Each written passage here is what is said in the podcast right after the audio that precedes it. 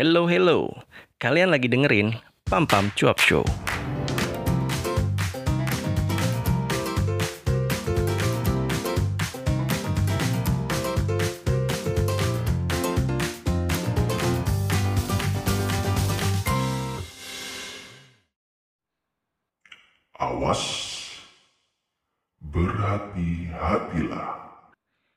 Download dan bikin podcast pakai Anchor itu gratis dan menyebabkan Ketagihan, karena bikin podcast jadi mudah dengan fitur-fitur yang keren, analitik yang lengkap dan akurat, juga jangkauan distribusi ke banyak platform termasuk Spotify, sekali lagi berhati-hatilah.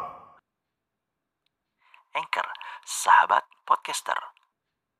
Pesan ini disampaikan oleh Pam Pam Cuap Show, podcast yang gak mau tersaingi. Hey, this is Pam Pam Cuap Show. Mau ngasih tahu aja ke kalian kalau episode yang satu ini juga bisa kalian dengerin melalui aplikasi Roof dan RCTI Plus.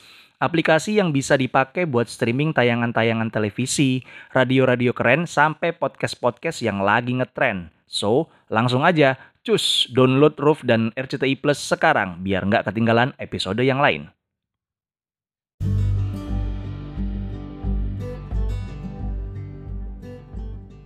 Assalamualaikum warahmatullahi wabarakatuh.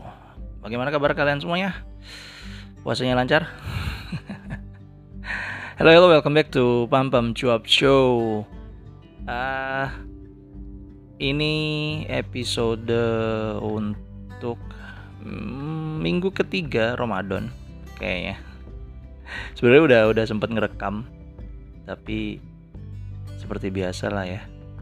Eh, kayak yang sudah direkam kemarin materinya terlalu melantur ke mana-mana jadi tidak jadi diupload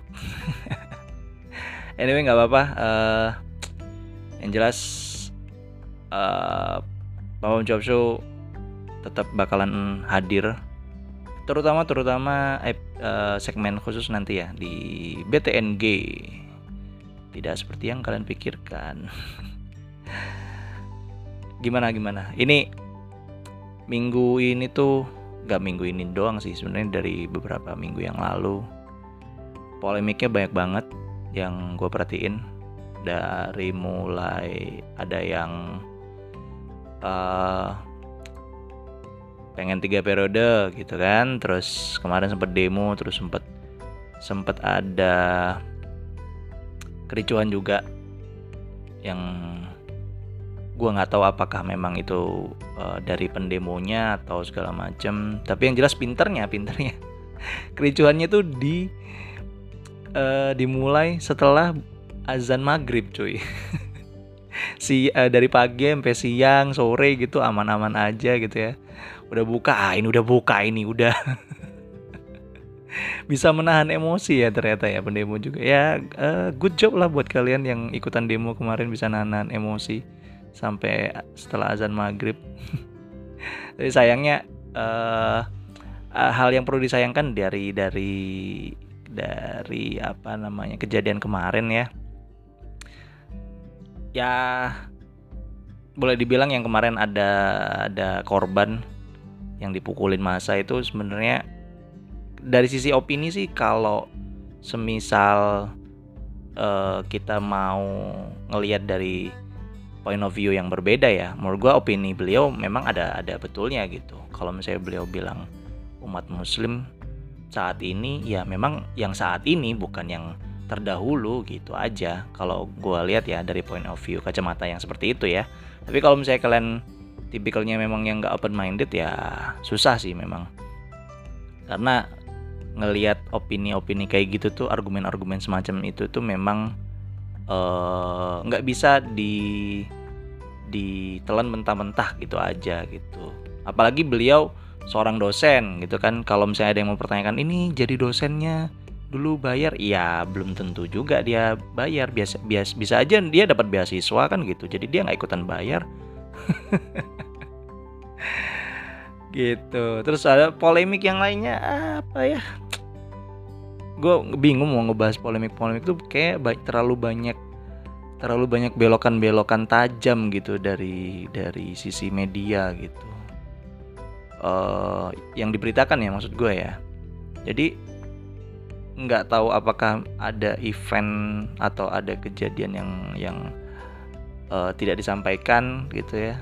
Ada ya ini cuman cuman pengalihan isu aja gitu sebenarnya. Tapi ya udahlah gitu. Yang jelas puasanya harus tetap semangat karena udah ya lebaran sebentar lagi. Gue nggak pantas nyanyi kayaknya tadi harusnya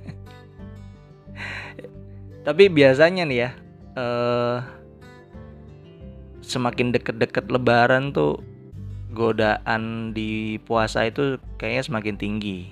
Jadi eh udah nahan-nahan gitu dua minggu dua minggu gitu tiga minggu ini minggu ketiga gitu kan. Nah ini yang perlu diwaspadain nih terutama terutama eh, godaan rasa malas. Ini yang paling sering wah ini penyakit yang gua ha- harus hadapi setiap harinya nih ya selama bulan Ramadan tahun ini. Nggak tahu kenapa. Sebenarnya sih bukan malas sih. Kalau gua eh, lebih lebih ke arah ngantuk di pagi hari. Dan sebenarnya eh, godaan ngantuk ini tuh sudah sudah datang dua minggu sebelum eh, Ramadan gitu. Dan uh, still trying figure it out kenapa ada masalah apa? Apakah saya memang kurang bergerak? Kurang olahraga? Apakah saya ya nggak tahu lah ya. Tapi anyway biasanya ngantuk ini awalnya males. Biasanya ngantuk ini awalnya males. Jadi eh males buat eh, melakukan sesuatu gitu. Terus akhirnya ya karena nggak tahu mau ngapain nggak tahu eh, ya males aja gitu sebenarnya nah ini gua gua nemuin fun fact sebenarnya bebe- eh, ada ada satu ada beberapa poin yang yang menurut gua eh, menarik dari fun fact fun fact yang gue temuin di internet ya. Salah satunya ini. Jadi eh, ada artikel dari IDN idntimes.com yang ngebahas soal penjelasan ilmiah tentang rasa malas. Di artikel ini sebenarnya ada 8 poin ya. Eh, cuman setelah gue baca-baca panjang juga nih kalau misalnya gue iniin bahas 8 poin. Jadi gue gua ambil beberapa poin aja kali ya yang menurut gue memang oh ini eh, sebenarnya kalian menyadari hal ini tapi eh, menganggap itu sesuatu yang berbeda gitu itu sebenarnya bukan males kalian tapi ta- tapi ta- kalian taunya males gitu ya. Udah lama nggak rekaman jadinya ini nih ngomongnya kebelibet-belibet kebanyakan rekaman audio drama. Enggak orang cuma satu kemarin. Oh ya oh ya Eh, sebelum gue bacain buat kalian yang ngedengerin episode kali ini jangan lupa dengerin juga nih. Eh, kalian boleh follow eh, instagramnya The Podcasters Indonesia di at thepodcasters.id di situ ada selama bulan Ramadan itu ada ada ini ya audio series drama bukan series ya jatuhnya eh, audio drama lah ya. Audio drama yang udah tiga episode nih sekarang nih kayaknya.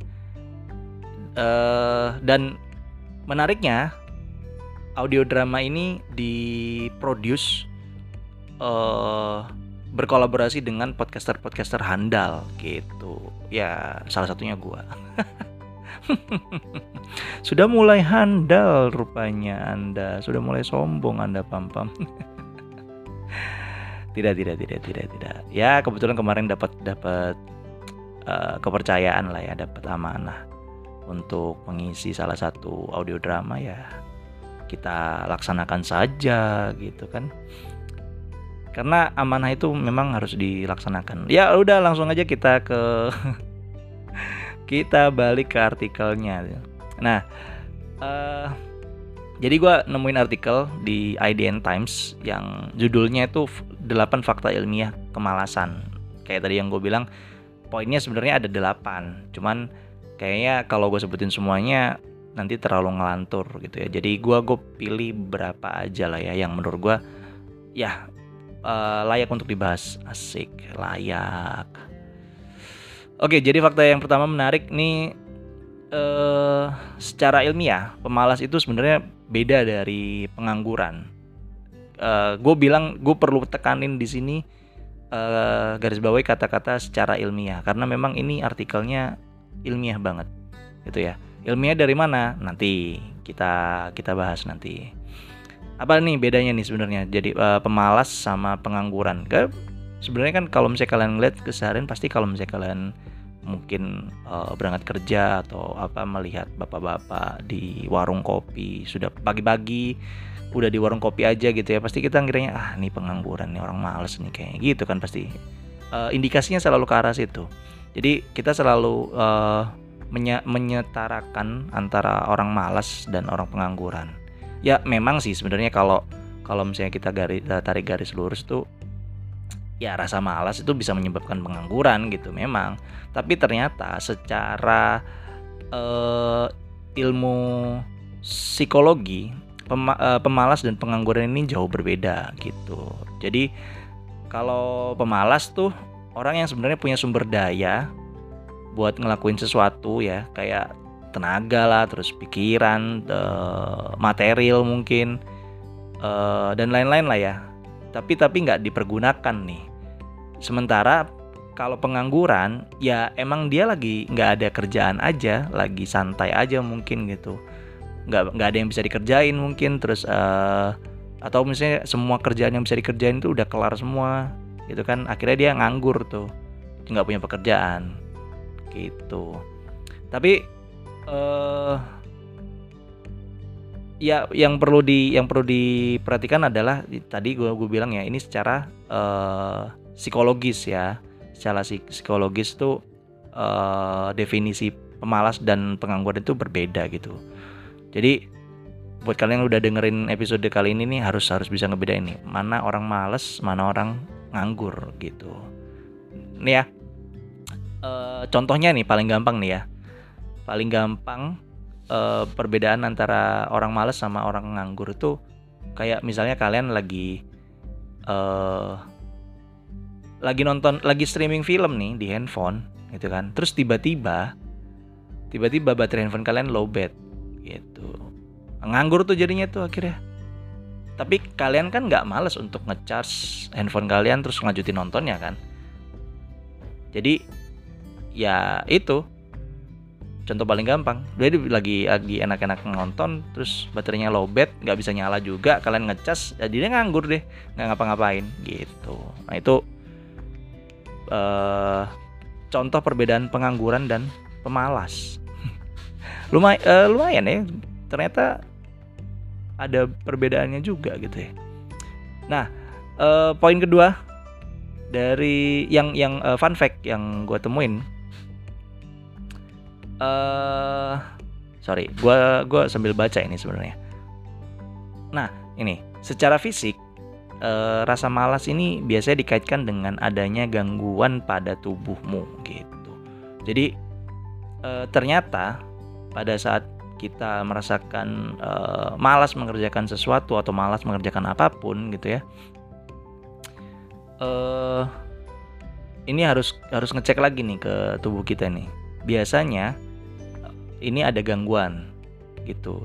Uh, salah satunya nih uh, sindrom kelelahan kronis. Ya, gitu ya. Jadi dilansir dari Healthline, sindrom kelelahan kronis ini masih belum diketahui penyebab utamanya. E, bisa dibilang burnout ya. E, tapi tapi beberapa teori berpendapat sindrom ini tuh timbul karena infeksi virus, uh, stres psikis tadi burnout itu tadi salah satunya atau depresi ya atau kombinasi berbagai faktor seperti hormon yang nggak seimbang, umur gitu kan uh, dan lain-lain gitu. Sindrom kelelahan kronis ini tuh bisa diidap biasanya mereka mereka yang berumur 40 sampai 50-an nih. Nah, ini harus hati-hati nih. Kalau kalian umurnya suka uh, sekarang sudah kepala tiga, ya siap-siap lah. tapi tapi kalau kalau gue rasa sih sebenarnya eh, nggak semua orang ya nggak semua orang yang berumur 40 sampai 50 ini mengidap sindrom kelelahan kronis ini. Karena yang gua tahu kayaknya ya ya orang-orang yang gua kenal itu semakin tua itu semakin jadi gitu.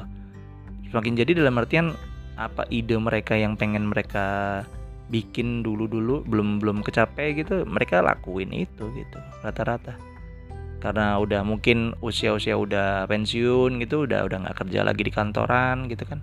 Akhirnya mereka eh ya tetap tetap bergerak gitu tetap tetap pengen menyibukkan diri. Kayak salah satu the podcaster yang emang udah kelihatan banget umurnya. Gua nggak mau nyebutin dah. Mohon maaf apabila eh podcast ini menyinggung. Tidak, tidak saya tidak menyinggung. Saya hanya menyampaikan fakta dan saya salut. Saya eh, bukan salut. Saya respect sama podcaster-podcaster yang Allah sama podcaster-podcaster yang memang udah berumur tapi masih aja idenya. Wah, kontennya mantep banget bikin pikiran kita kebuka. Apakah karena memang umurnya yang sudah tidak terlalu jauh dengan saya gitu jadi eh, connect-nya masih gitu ya. Eh, nextnya nih ada rasa malas itu berhubungan erat dengan evolusi kita sebagai manusia. Nah ini ini menarik nih. Jadi ada satu teori psikologi today eh, yang menjelaskan kenapa kita sering nilai seseorang yang nggak aktif itu sebagai pemalas dan ini ada kaitan eratnya dengan evolusi kita sebagai manusia gitu. Kenapa? Jadi teori ini tuh menjelaskan pada zaman purba dahulu, nah nenek moyang kita itu selalu siap siaga sup- eh, demi bertahan hidup, survival ya. Eh, apalagi dari serangan hewan buas, karena kan dulu nggak ada tuh eh, rumah nggak ada pagernya gitu ya, hidupnya di gua gitu atau nomaden, terus atau mungkin pagernya cuma dari kayu, sedangkan hewan buasnya tingginya lebih dari 2 meter gitu kan.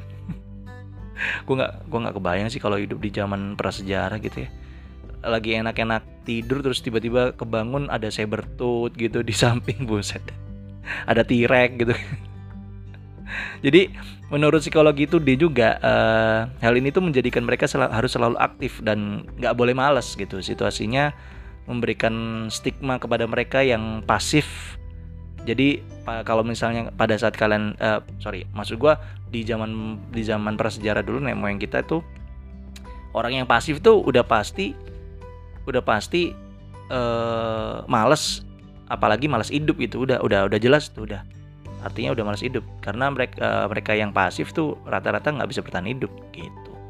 Nah eh di zaman modern sekarang nih terutama banyak teknologi-teknologi yang ngebantu kita contoh paling gampangnya eh, ya dulu ngangkat beban eh, ngangkat se- sesuatu itu harus membutuhkan waktu yang lama gitu ya karena nggak ada teknologinya seperti eh, roda terus seperti apa namanya dorongan itu.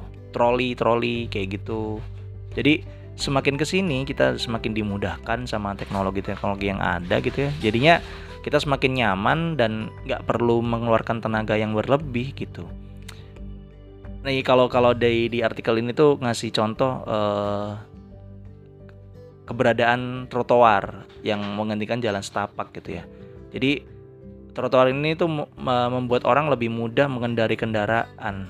Iya bener memang di Indonesia itu memang seperti itu. Trotoar itu memang dilewatin sama kendaraan gitu ya, bukan bukan untuk pejalan kaki gitu. Jadi bahkan pejalan kaki pun harus ngalah gitu ya memang.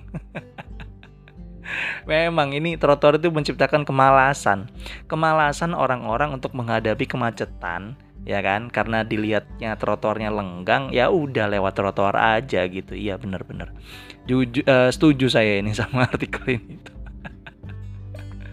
Tapi kalau dari ranah teknologi sih kalau gue buat gue ya karena memang eh kita semakin dimudahkan ada ada alat ada tools untuk membantu kita. Pada akhirnya ya eh, kita semakin dimanjakan semakin enak gitu ya. Akhirnya tingkat aktif kita itu semakin menurun gitu. Ya, ada bener ya. Oke, kita lanjut ke poin berikutnya. Hmm, eh, eh, eh, eh, nah ini, ini sebenarnya ada dua poin, cuman kayaknya gue jadiin satu aja nih. Jadi yang poin pertama adalah eh, menurut artikel ini dalam beberapa kasus rasa malas tuh bisa datang karena kamu tuh nggak menemukan apa yang apa yang ingin kamu lakukan. Plus biasanya rasa malas tuh datang karena takut atau merasa tidak punya harapan. Gitu. Penjelasannya jadi salah satu penyebab paling kentara nih yang paling kelihatan uh, yang uh, biasanya bikin kamu jadi males tuh uh, adalah melakukan sesuatu yang tidak kamu inginkan.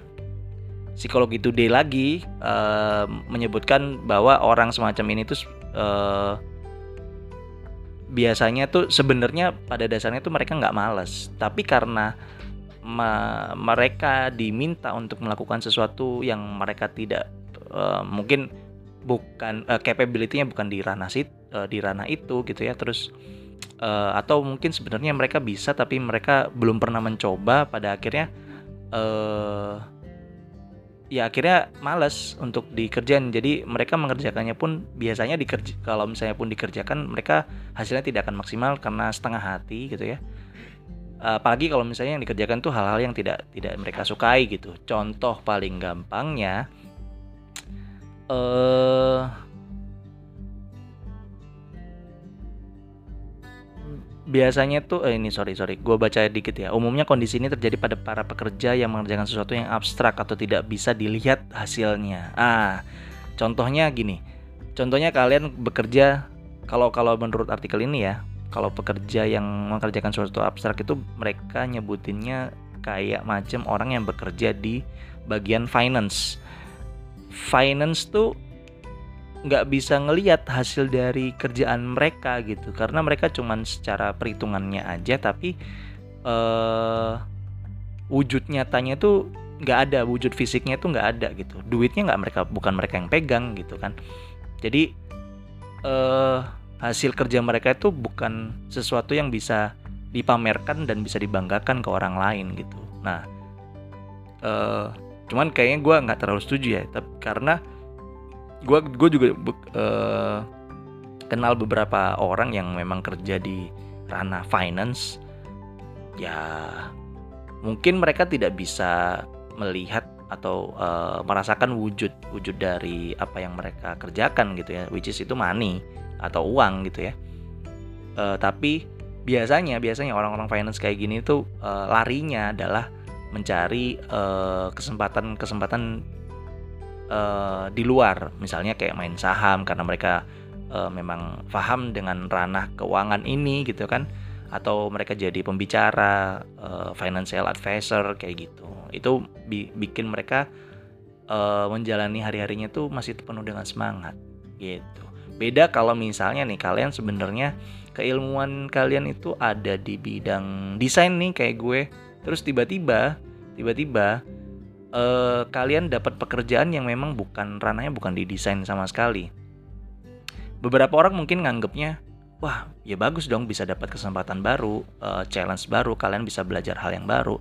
Tapi tapi uh, menurut gue semangat atau motivasi kayak gitu tuh perlu perlu banget dibangun lebih dini gitu.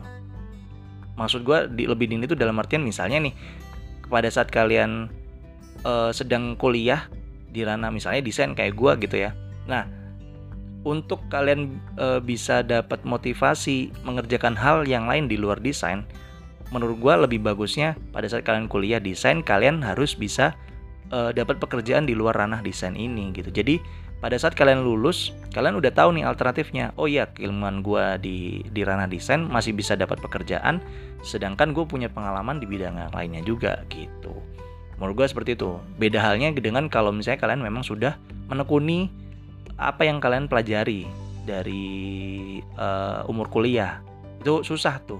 Karena apa?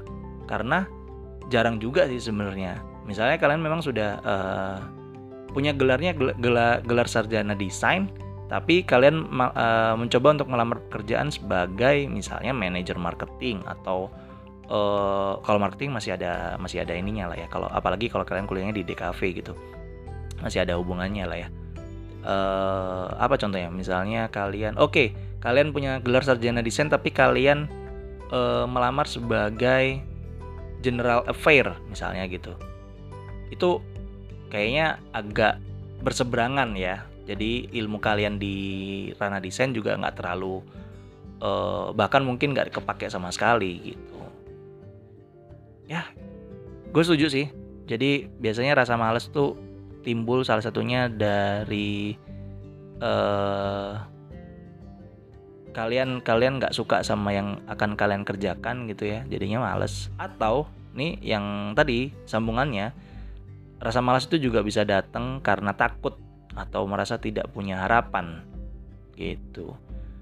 Jadi biasanya ini eh kebanyakan orang ya kebanyakan orang hmm, bisa jadi males tuh gara-gara ternyata nggak sesuai ekspektasi atau malah justru takut Eh, takut terhadap hal-hal yang eh, sebenarnya belum terjadi tapi mereka pikir itu bisa terjadi lebih kayak overthinking ya jatuhnya ya. Eh kalau di artikel ini dijelaskan eh, selain tidak ada yang ingin dilakukan atau takut oh sorry selain tidak ada yang ingin dilakukan demi kepuasan eh, eh, tidak ada harapan juga bisa oke. Berapa orang oke. Beberapa orang ternyata takut mengalami kesuksesan ini menarik dan eh, hal ini bisa bisa dengan berbagai alasan. Bisa pula mereka minder mencapai kesuksesan ini. Eh hal ini membuat mereka menjadi malas yang mana rasa malas itu dianggap sebagai alat untuk menyabotase diri. Oh. Sebaliknya beberapa takut akan kegagalan dan mem- memilih kemalasan. Maka dari itu muncul pemikiran bukannya aku gagal tapinya aku yang tidak pernah mencoba ya ya ya. Bener juga. Tapi menarik menariknya adalah ternyata orang tuh takut bukan cuma takut gagal ya ternyata ya. Ada beberapa orang yang memang takut sukses. Ini sebenarnya gue gue belum pernah ketemu sih orang yang takut sukses. Coba coba coba. Kalau misalnya kalian punya nih temen yang eh, temen atau mungkin kenalan atau saudara atau apa pun lah kalian tahu gitu ya dia sebenarnya ini bisa sukses cuman dia tuh nggak mau ngelakuinnya. Dia takut gitu. Nah itu boleh tuh. Eh kirimin aja infonya ke gua lewat email atau misalnya eh, kalian punya aplikasi Anchor juga kalian bisa langsung DM atau kirim voice note ke gua lewat Anchor. Eh, alamat email dan dan link untuk voice notes-nya gua sertain di deskripsi eh, podcast ini ya. Jadi kalian bisa langsung bisa langsung eh, langsung ke situ aja gitu. Ya, lebih lebih gampang sih ke email sih kayaknya. Anyway itu itu beberapa poin dari eh, artikel fun facts 8 fun facts eh, tentang kemalasan secara ilmiah. Menurut gue sih yang paling bermanfaat tadi itu ya itu tadi yang eh, malas itu beda dengan pengangguran sih. Jadi mulai dari sekarang kalau kalian ngelihat ada orang pengangguran gitu ya coba aja coba. Misalnya kalian punya punya project atau apa gitu kalian butuh bantuan gitu. Sesuai dengan skillnya ya tapi ya. Jadi kalian harus ngobrol dulu sama orang yang memang. Kali-kali aja gitu misal kalian sebenarnya butuh bantuan untuk eh, nambel genteng yang bocor gitu tapi orangnya memang nggak punya skill untuk untuk ngebetulin rumah atau ngebetulin genteng bocor nambel bo- nambel nambel kayak gitu ya jangan gitu kan. Jangan diajak itu sama aja eh, wasting time. Eh ya udahlah. Eh, ya gua harap ini bisa berguna. Ini sebenarnya episode eh yang gue persembahkan untuk teman-teman di The Podcasters Indonesia ya. Karena kemarin gue sempat sempat ngejanjiin episode ini gue bakal ngebahas males. Dan ternyata memang nggak ada nggak ada yang nggak eh, sorry maksud gue dari poin yang kemarin dibahas nggak ada poin di sini ya. Tapi yang jelas eh seenggaknya gue bisa ngasih point of view berbeda lah tentang rasa malas itu sendiri gitu. Sebenarnya malas itu sendirian. Ya, malas itu sendiri, sendiri dalam hening. terus nggak ngapa-ngapain gitu ya itu pasti menciptakan males percaya deh kalau nggak percaya kalian ya eh buat kalian yang masih belum punya pasangan gitu ya coba aja kalau misalnya di kamar kos atau misalnya di kamar kalian sendiri gitu ya. coba aja taruh handphone kalian terus udah nggak usah ngapa-ngapain pasti di situ kalian bakalan menemukan rasa malas itu males males buat ngedengerin gua lagi. Anyway gitu aja dari gua eh, untuk episode kali ini. Dan eh, episode the- yang satu ini juga bisa didengerin di platform eh, Spotify dan Roof seperti biasa. Karena Pamam Cuapsu sudah hadir full sekarang di aplikasi Roof. Eh, terima kasih buat teman-teman di Roof yang udah memberikan informasi sangat-sangat berguna eh, untuk bagaimana caranya kita eh, bisa mendapatkan cuan dari podcast kita. Wih, kalian mau tahu informasinya? Ya langsung aja, bisa kalian bisa langsung eh, DM DM langsung coba di akun Instagram Roof eh, official. Kali aja kalau misalnya kalian memang eh, beruntung ya eh, podcast kalian bisa di eh, kontrak secara eksklusif bareng Roof. Kalau Pampam Cuaca belum. Ya, semoga dalam waktu dekat. Oke, segitu aja dari gua Pampam pamit. Semoga kalian tetap sehat dan bahagia selalu. Wassalamualaikum warahmatullahi wabarakatuh.